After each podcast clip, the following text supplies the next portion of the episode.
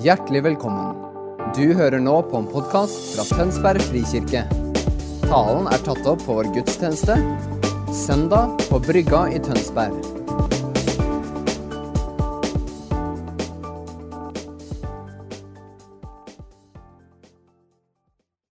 Så godt å være her.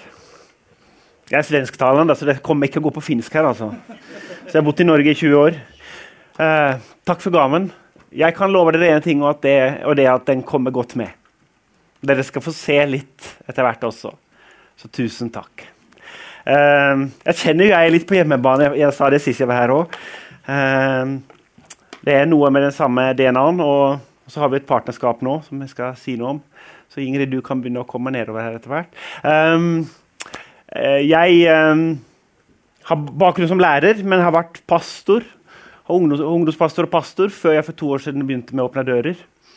Uh, alt annet jeg har gjort, har vært bra, men jeg bare kjenner at de to åra med å bli mata med disse historiene om mennesker som ja, Mirakler, men også mennesker som virkelig står i tøffe ting og bekjenner flagget Jesus. Det gjør noe med troa mi, det gjør noe med perspektivene mine. og Drømmen er jo at uh, dere skal bli inspirert. At dere ikke kjenner at det går herifra åh, jeg er ikke god nok. Men at dere skal få kjenne vi er med på et større lag, vi er med på noe større. Vi har en Gud, vi har en far som vi tror på. En fars kjærlighet som løfter også når det er tøft.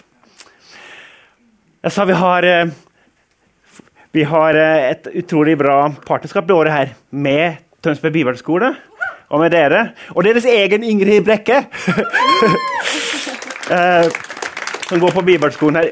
Kan ikke du bare si litt hva, hva, du har gjort sammen med oss, og hva du skal gjøre? Framfor alt hva du skal gjøre. Ja, eh, så nå har vi jo, Jeg har gått seks måneder på Nei, jo, det nesten det. Et halvt år på bibelskolen. Og da hatt internship, så jeg har eh, reist litt rundt og lært mye om det Åpne dører gjør. Og så hadde jeg en tur til Nord-Afrika eh, for å møte personer som opplever forfølgelse. Eh, og nå så skal jeg videre og begynne å dele på ungdomsarbeid. Så det blir veldig spennende. Så det, vi skal ut og snakke med ungdom. Mm. Veldig bra. Dere, be for Ingrid.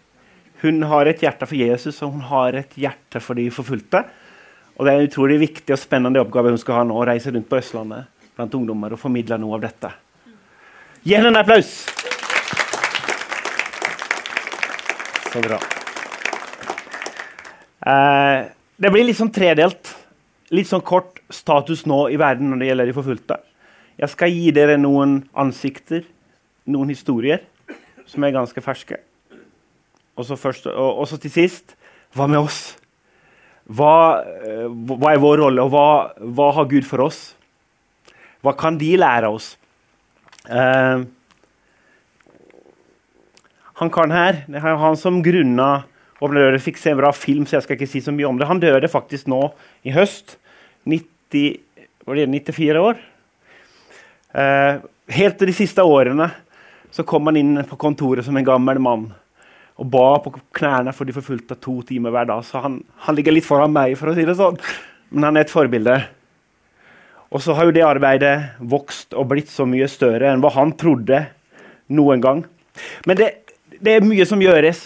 Fokuset er komme til menigheter, komme til kristne i Midtøsten, hvor det trenges, hvor de, hvor de har det tøft. Så hvordan kan vi hjelpe dere? Og først og fremst hjelpe dem til å stå. Hjelper de til å stå frimodige hvis de ønsker det, der de er, selv om det er vanskelig å være salt og lys der de måtte være. For å vinne med flere mennesker til Kristus, og for å skinne og for å være der. Og Det gjør vi på forskjellige måter. Noen, noen korte status. Nå får, vi, nå får vi en ny liste nå på onsdag. kommer den nye World Watch-lista med hvordan er, ser det ut nå med de ferskeste tallene. Gå gjerne inn på vår hjemmeside og se, for det, det, det, er veldig aktuelt.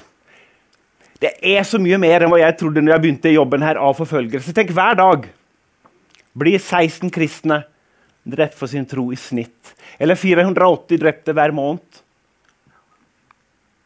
Det er liksom vanskelig å ta til seg, men det, det er virkeligheten.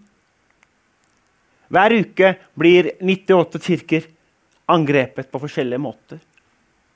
Og Mange har blitt stengt i korona og aldri blitt åpna opp igjen, selv om mye annet har åpna opp.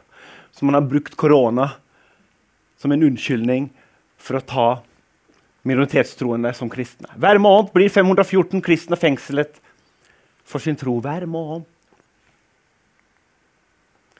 Sist jeg var her, så var det 340 millioner. Nå har det økt. Én av syv kristne, 360 millioner, bor nå i områder med svært høy eller ekstremt høy grad av forfølgelse. Det betyr du risikerer friheten din og blir stengt ute fra familien. Vi, vi er glade, men vi, nå er du ikke du lenger vår sønn. Du er ikke lenger vår datter. Du må forlate oss. Riskerer liv, riskerer å miste jobben. Bare fordi de flagger Jesus. De har ikke gjort noe kriminelt, heller tvert imot. Så det er et forbilde i å, å gå i kjærlighet. Men når lyset beveger seg, så reagerer mørket. På toppen har vi Nord-Korea, som aldri har vært så vanskelig som nå. Be for Nord-Korea. Og Afghanistan. Når Taliban tok over, så har det blitt utrolig vanskelig å være kristen. De fleste har gått i skjul nå, for ellers blir de drept på, på mange. De fleste har flykta eller gått i skjul. Uh, vårt blad uh, for den måneden her som dere kan få gratis etterpå, handler om Afghanistan. Og noen, noen, noen dagbokskriver, noen mennesker i Afghanistan som skriver til oss.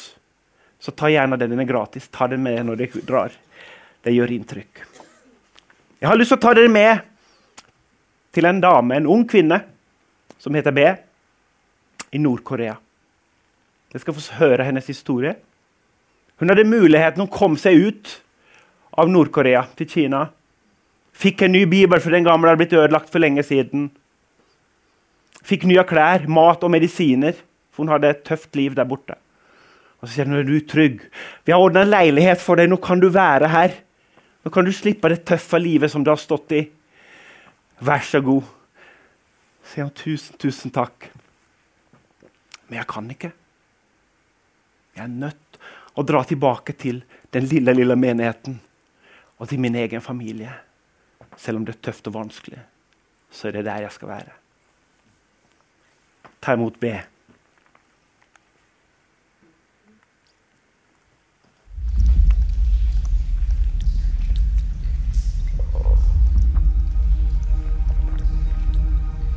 형제님 보시오. 우리는 주님의 은혜와 여러분의 은혜로 평안하게 잘 지내고 있습니다. 이 글을 쓰는 이 순간 내래 마음이 무겁습니다. 우리가 결코 보답할 수 없는 선물을 여러분들에게서 받았기 때문입니다.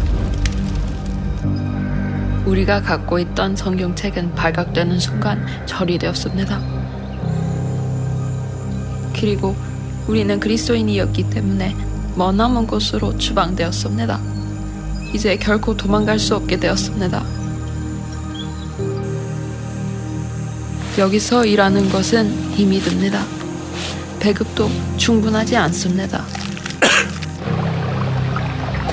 우리는 항상 배고프고 또 아픕니다. 여기서는 살아남기 위해서 스스로 먹을 것을 찾아 나서야 합니다.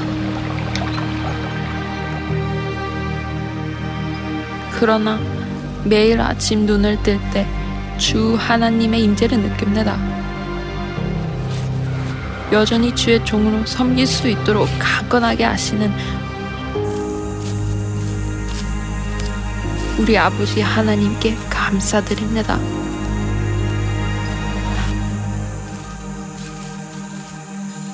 사람이 떡으로만 살 것이 아니요 하나님의 입으로 나오는 모든 말씀으로 살 것이라.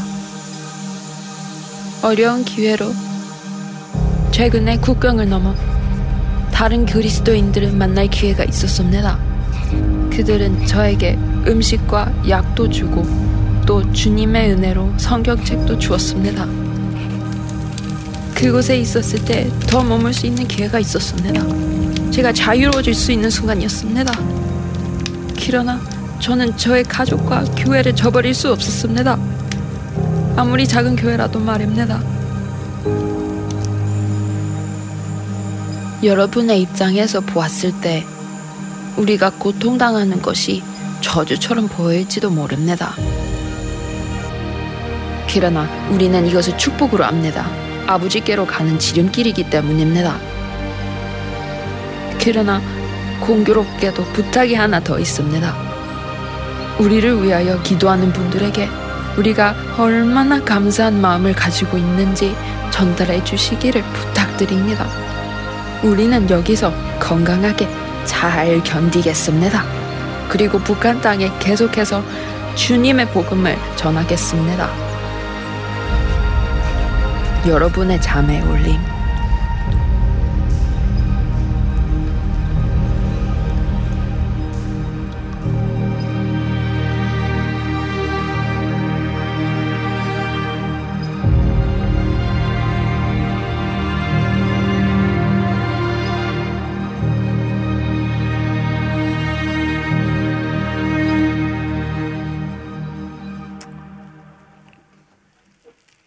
Kan stå sammen med henne.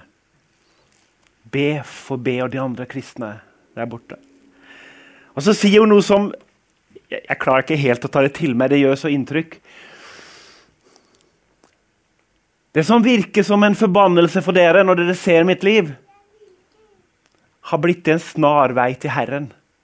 Jeg opplever Hans nærvær i min svakhet. I så mange ting som ikke er på plass i mine trengsler, i min sorg, hvor jeg ikke strekker til, i min smerte, i min brukkenhet, i min avhengighet, som vi ba om i dag tidlig. I min avhengighet, hvor jeg er liten og han er stor, så kommer han. Så kommer han. Dette er ett av millioner vitnesbyrd som går i den gata. Deres forbannelse en snar vei til himmelen. Jeg tror det er en nøkkel her som Jesus løfter fram når han sier salige himmelsk velsignelse over de som sørger, for de skal trøstes. Salige de som blir forfulgt for rettferdighetens skyld, for himmelriket er deres.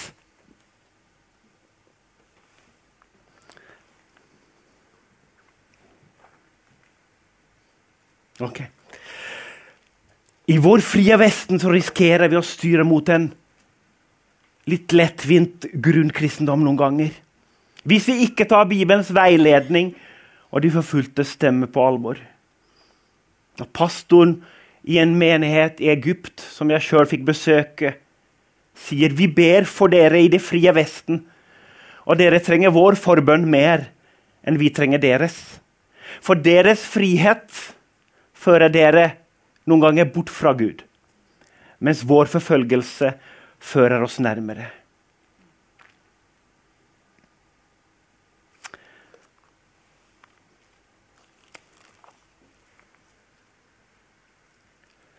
Den ondes strategier. Det er hovedbibelstedet mitt i dag. Åpne dører. De forfulgte kristne de går ikke etter mannen. Når de ser en muslim, så stråler det av kjærlighet overfor dem. Når en muslim kommer til et håpsenter hvor en menighet hjelper kristne, og så kommer det en muslim inn, så får han møte kjærlighet. Får han klær på lik linje som de kristne og godhet. Og Så kommer en sunnimuslim og sier 'Hvorfor gjør dere dette?' 'Jeg var hos sjiamuslimene for noen uker siden. Jeg var ikke velkommen, og så kommer jeg hit.' Jo, for vi går ikke etter mannen. Gud elsker deg. Han elsker deg, han døde for deg. Så ser vi at islam styres av noen grunnkrefter som er fra den onde sjøl. Men menneskene elsker Gud. Ta på Guds fulle rustning, så dere kan stå dere mot djevelens listige knep. For vår kamp er ikke mot kjøtt og blod, men mot makter og åndskrefter, mot verdens herskere i dette mørket, mot ondskapens ånde her i himmelrommet. Hvor lyset beveger seg, hvor det fins frimodige kristne, så reagerer mørket. Vi pleier å si se på islam, så bruker vi en av bokstavene til et ord.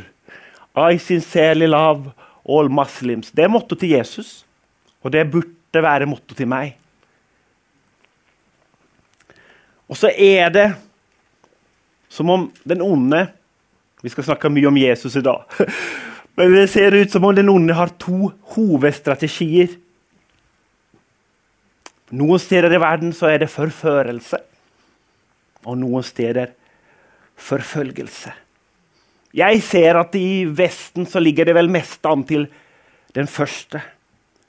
Hvor den onde ønsker å friste meg vekk fra Guds ansikt. Vekk fra gradvis å trekke meg mer og mer fra Guds plan i mitt liv. Er det så nøye? Hva har Gud virkelig sagt? Hvor jeg blir frista inn i kompromisser. Passivitet og materialisme. Jeg bare snakker til meg sjøl. Jeg bare kjenner på dette på min egen kropp. Det er lettere å leve i Norge om vi litt justerer på det vi tror på når det gjelder seksualmoral, Jesu døde oppstandelse, livets to utganger. Da blir det litt lettere å stå. Da får du ikke disse vanskelighetene som Paulus opplevde. Ordet om korset, som var skikkelig antiintellektuelt også på den tid, hvor han fikk høre Han ble opplevd som en dåre for Kristi skyld, for han sto for noe som var vanskelig å stå for. Og hvor målet, strategimålet er å hindre at mennesker blir frelst, og hindre å gi Gud ære. Og Hvis ikke strategi 1 funker, som jeg mener er kanskje det mest effektive, så blir strategi 2 brukt. Forfølgelse. Jesus opplevde det samme. Først så ble han frista i ørkenen før han gikk inn i tjeneste. Vi kjenner igjen disse fristelsene han opplevde. Kroppslige basisbehov. Er du sulten? Du kan få brød. Disse basisbehovene. Eller er Gud virkelig den han sier han er? Prøv makta hans, da. Kast deg ut og se om du blir fanga opp av engler. Er du riktig sikker på at han er den han sier, at han har den kraften og den allmakten du sier? Har det vært litt fristende med litt mer makt? Jeg kan gi deg makt. Du kan få penger, du kan få alt du ber om hvis du faller ned og tilber meg. Jesus står for fristelsen, og så står det at den onde forlot ham for en stund. Han forlot ham for en stund. Så kommer strategi to etter hvert, med forfølgelse, med korsfestelse.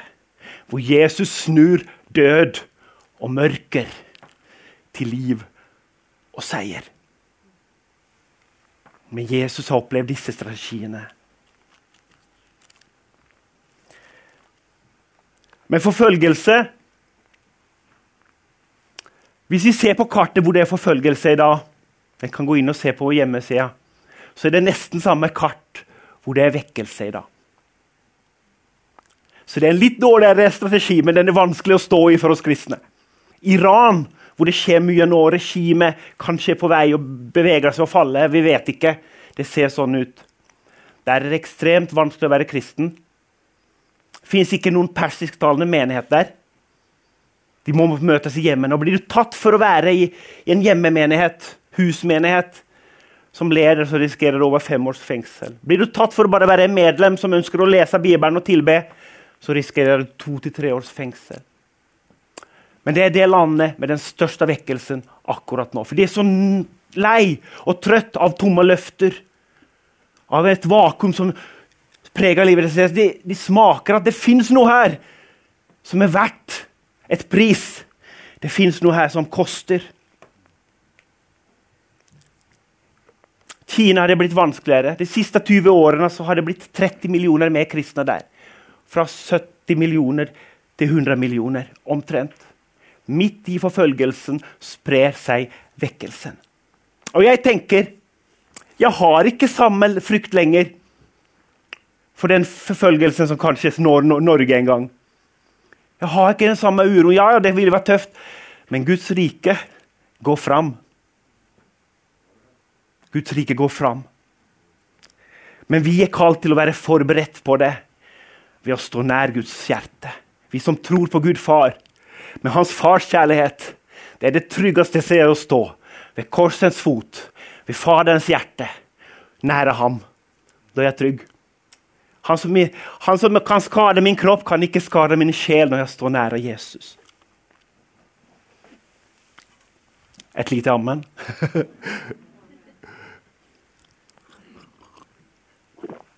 Nå skal dere få en historie som jeg nylig kom over. I en av de bøkene som jeg selger også, 'Drømmer og syner' av Tom Doyle. Tom Doyle har sett dette med egne øyne, for han jobber i Midtøsten med sin kone. I Iran, Irak, Syria osv. Han har bl.a. intervjuet 200 tidligere muslimer og, og, og, forhørt seg om hvordan kom du til tro. Hva var det som skjedde når du i ditt vanskelige område likevel valgte å komme til Jesus? Og så har han funnet ut noe som er så merkelig. Når det ikke fins menigheter på samme måte som her, og Jesu hjerte som lengter etter sjelene, så kommer Jesus og møter til møte på en annen måte enn hva vi ser så ofte her. Han sier at av de 200 som han har intervjuet, så er det en tredjedel som har sett en eller mange syner eller drømmer hvor Jesus kommer. Og det er ikke noe blaff, for de opplever en fred og en kjærlighet som ikke tidligere, og til og med en kommunikasjon noen ganger. Ja. En større undersøkelse som ikke han har gjort, så er tallet litt lavere, men likevel 25% Så er det én million i Midtøsten som har kommet til tro nå i det siste, så er det 250 000 av dem som har drømt om Jesus. Og at han ikke bare er en profet, men han er en som kaller det videre. Og i 90% av fallene så stopper det ikke med en drøm, men en lyst å gå litt dypere.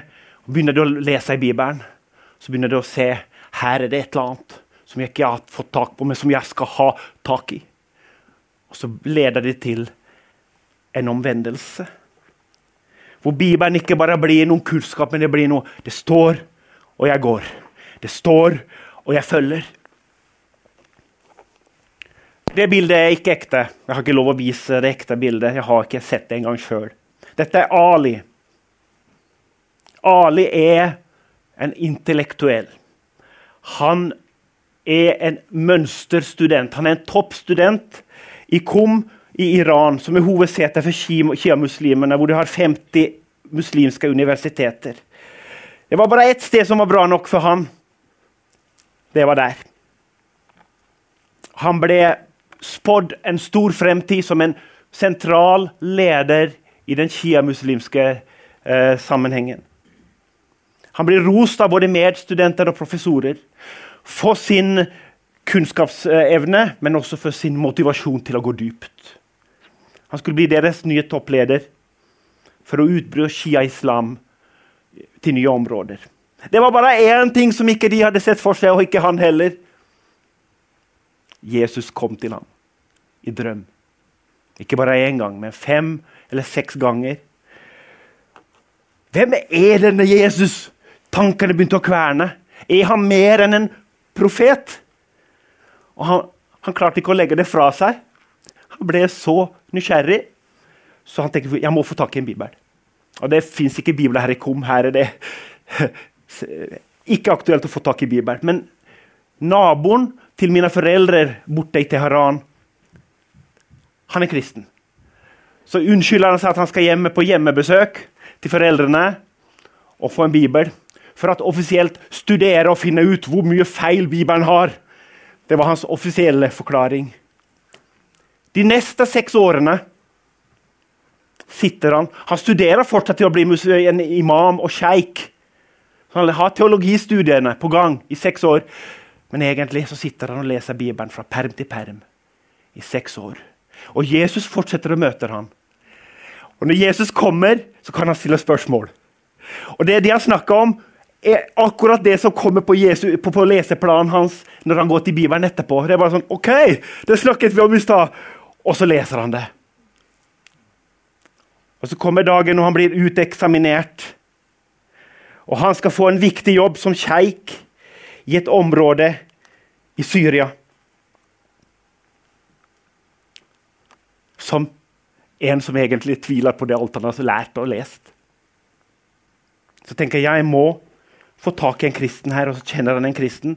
Kommer inn til han som tror at han skal bli drept, for sjeiken sjøl kommer inn til en av de få kristne i området. Og Så sier han, 'Du, Slapp av, jeg skal ikke skade deg. Så holder han opp Bibelen. Det her, min venn, er sannheten. Dette er sannheten. Så holder han opp Koranen, eller så han ser en koran der borte. Det der, det er fri fantasi som en Disney-film. Det er eventyr. Så satte de seg ned og snakket i fire timer. Han fortalte om hvordan han drømte på natten om Jesu opplevelser, og hvordan Jesus ledet han inn i bibelstudiene.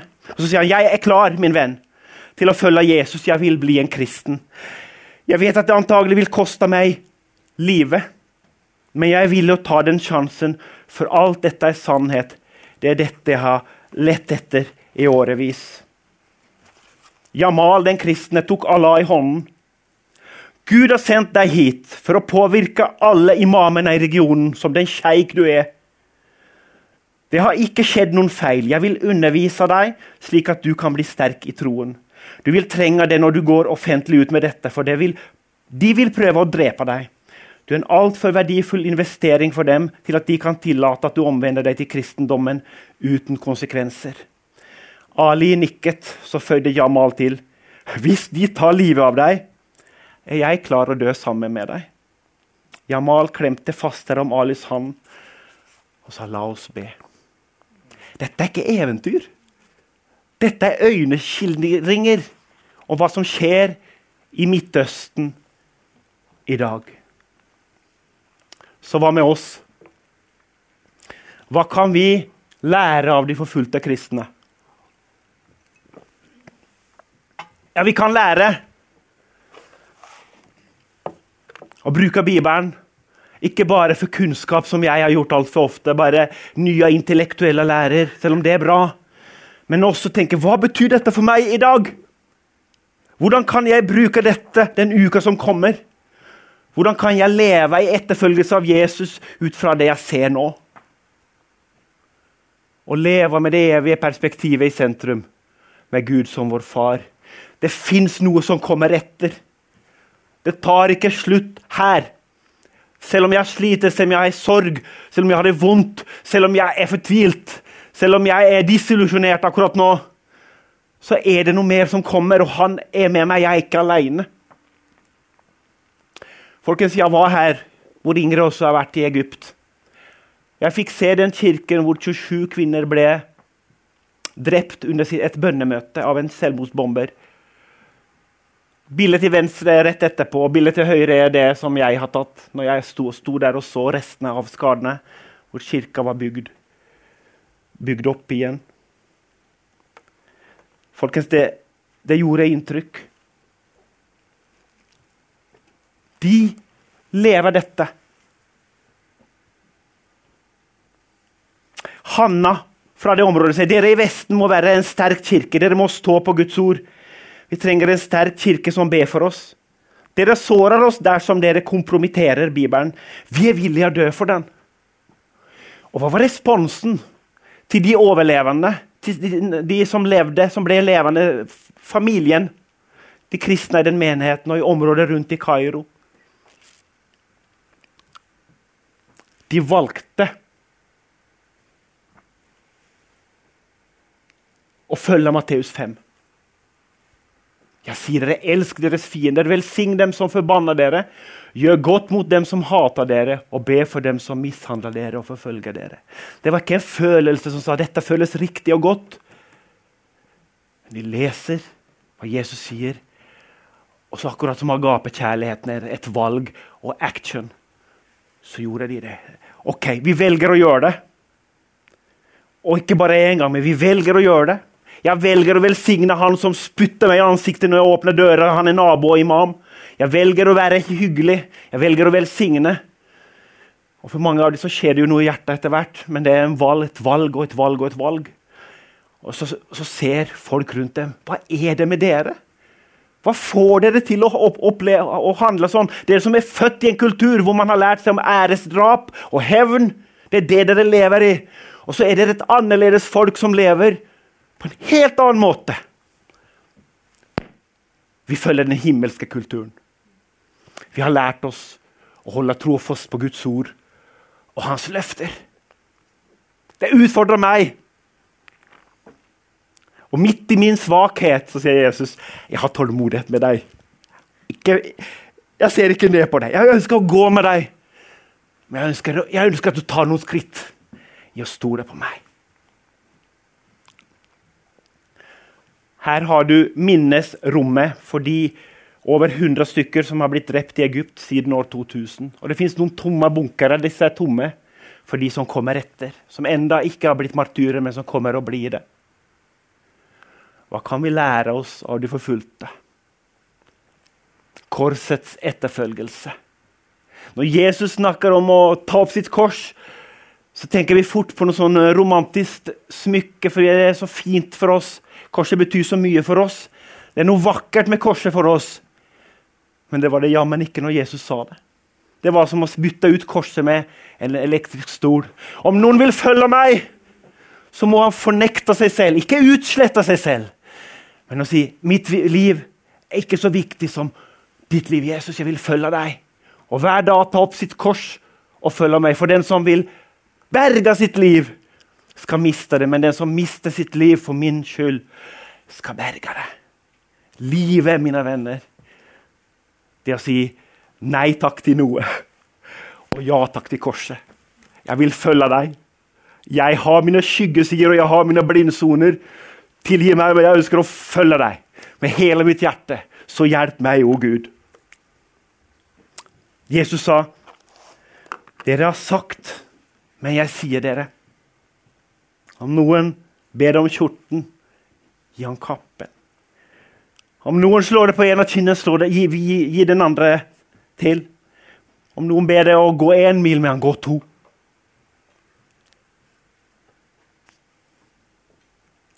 Elsk dem som hater deg, og velsign dine fiender. Hvordan opptrer jeg ved urettmessig kritikk i jobben eller blant venner? Avvisning, forbigående, dårlig behandling. Det er så lett for meg å gi igjen eller holde meg unna, trekke meg unna. Isteden så inviterer Gud meg til å involvere Han i, i livet mitt. I de lette tingene i de vanskelige tingene og i de uutholdelige tingene. Jeg veit litt hva jeg snakker om. Jeg har ikke blitt forfulgt. Men jeg har ligget et halvt år med en hjernerystelse akkurat når jeg skulle bli ungdomspastor. Og Oppi det kom Gud og betjente og sa jeg er med deg. Jeg er med deg også i de vanskelige dagene.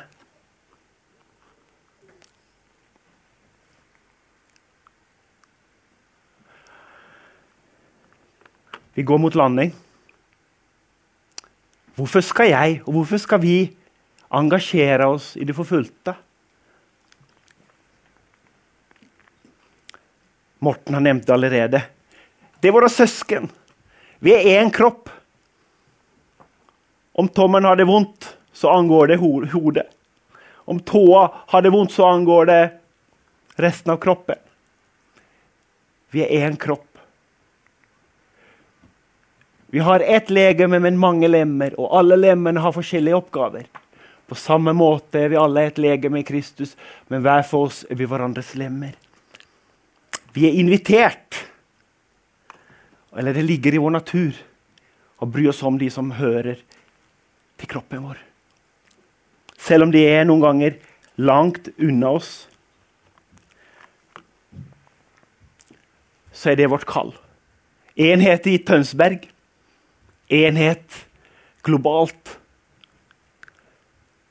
Og så er det mange ganger som det ikke skal så mye til. Når vi snakker med dem, hvordan kan vi hjelpe dere? Vi føler oss så langt unna og så små. Og sånn. Og så forventer vi kanskje å høre ja, ja, vi trenger masse, masse penger. Og det gjør de, for vi ser hva vi kan gjøre av forskjell når vi får det. Men det er ikke det de spør om først og fremst. De sier unge voksne. Nylig en eh, rapport fra unge voksne i Midtøsten. Så vi bare trenger å vite at vi ikke er aleine. Vi trenger bare å vite at det fins kristne i Norge som ber for oss. Som husker oss, og som er med og bærer våre byrder sammen med oss. Og Vi har kjent så mange ganger hva det, hva det betyr av forskjell. Så noe av det viktigste jeg kan utfordre deg med på, Om du blir med som bønnefadder eller ikke, det er opp til deg, men det å be. Og vi har noen gode, gode verktøy som du kan få. Du kan hente gratis i dag, og så kan du også få fast et månedsblad med ferske rapporter om hva som skjer. Nå er det om Afghanistan i januarbladet. Og en nydelig liten bønnekalender med et konkret bønneemne for hver dag. Jeg bruker ikke to timer som broder Andreas, men jeg bruker i hvert fall to minutter på å løfte det fram for Jesus. Det hadde vært så fint om, om, eh, om, du hadde lyst til å være med. Jeg står ved bokbordet, dette er gratis. Du kan ta en sånn, og så skanner du den koden der. og Da kan du skrive inn navn og adresse, og sånn, og så vil du få tilsendt Og det blir ikke masse sånne eh, pengeringninger til deg. Dette er ikke noe sånn skjult agenda, men vi ønsker deg som bønnefadder. Vi ønsker at du er med å stå sammen med de som trenger det. Og da kan du få dette som verktøy. Det har vært flott om du sier ja til det, så ser du vår hjemmeside. Der kommer da den nye rapporten. Eh, Worldwatch List blir lansert på onsdag på opendoors.no. Og så lokal Facebook-side for ÅD Østlandet, hvor det står om samlinger og nyheter. Ting som skjer her på Østlandet. Tusen takk for gaven. Du kan være med som en fast giver. Da kan du hente en brosjyre hos meg også på bordet. Eh, så kan du bli en fast giver. Du kan være med å skrive.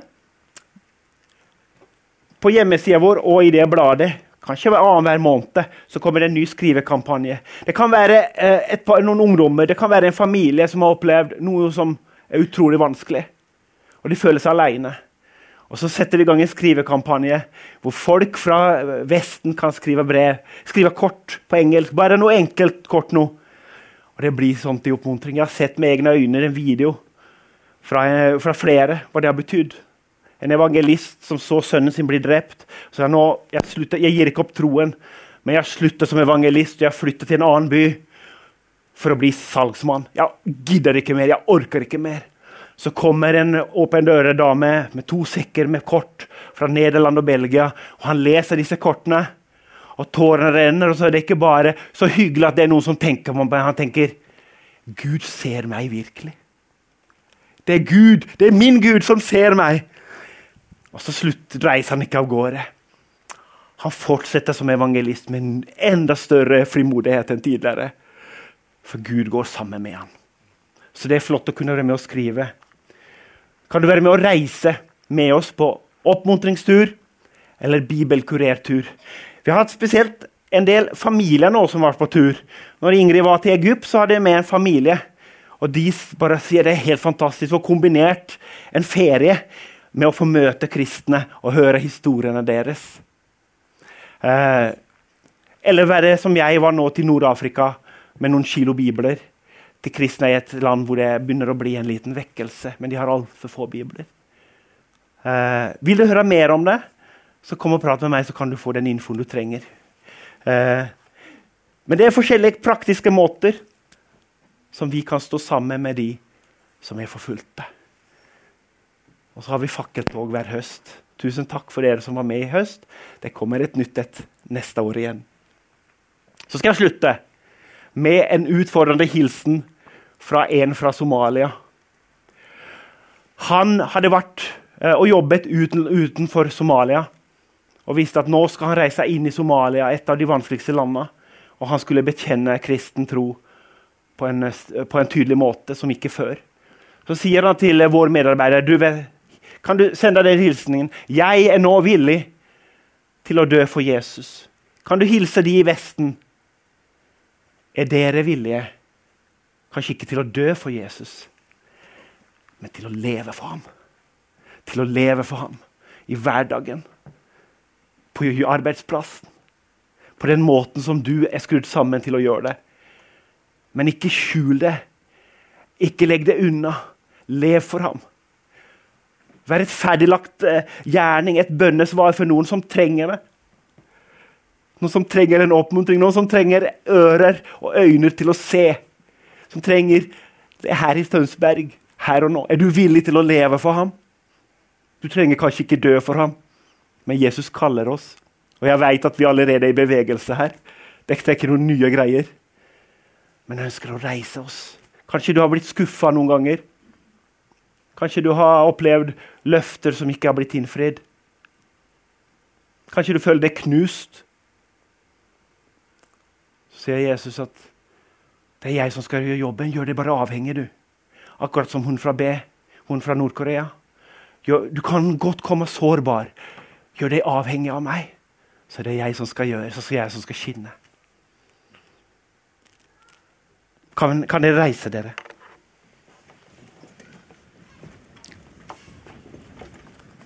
Jeg har bare lyst til å betjene dere.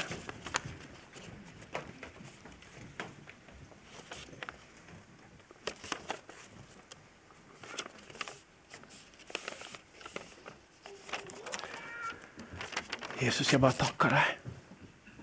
Jeg bare takker deg, Jesus, for de menneskene som står her nå. Og de familiene som de representerer. Takk for at du ønsker å puste inn nytt liv der det trengs. Ny tro der det trengs. Takk for at du hvisker inn ferdiglagte gjerninger på mennesker som trenger en oppmuntring. Takk, Helligånd, for at du, du er en gentleman som gjør det på en måte som passer oss så godt, men du, du ønsker så gjerne å samarbeide med oss. For det er det du har skapt oss til. Å tjene og ære deg. Å leve ut troen på vår Far Gud ved å lyde. Ved å ta noen staplende skritt. Så Herre, jeg bare ønsker å velsigne denne gjengen. Takk for de drømmene som ligger her uoppfølgde drømmer. og Drømmer som du ikke har gitt opp, men som, som vi noen ganger tviler på. Takk, Herre, for at du gir nye, nye tro på det du har sagt. På de løftene som vi har lest, og som vi tenker Hva med disse løftene? Hva med disse ordene som vi har lest så mange ganger? Herre, jeg takker deg for din tidstabell. Takk for at du har kontrollen. Takk for at du er en kjærlig Gud som ønsker å lede. Og når vi er svake, kan vi lene oss mot deg. For du er en god Gud. En elskende Gud.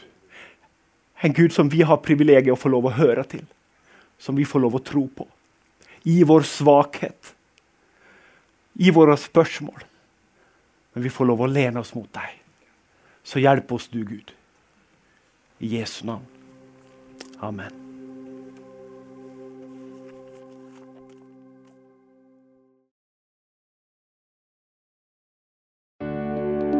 Takk for at du hørte på vår podkast. Har du spørsmål eller ønsker du å vite mer? Søk oss på vår nettside tonsbergfrikirke.no. Du er også velkommen til kirke på Brygga i Tønsberg.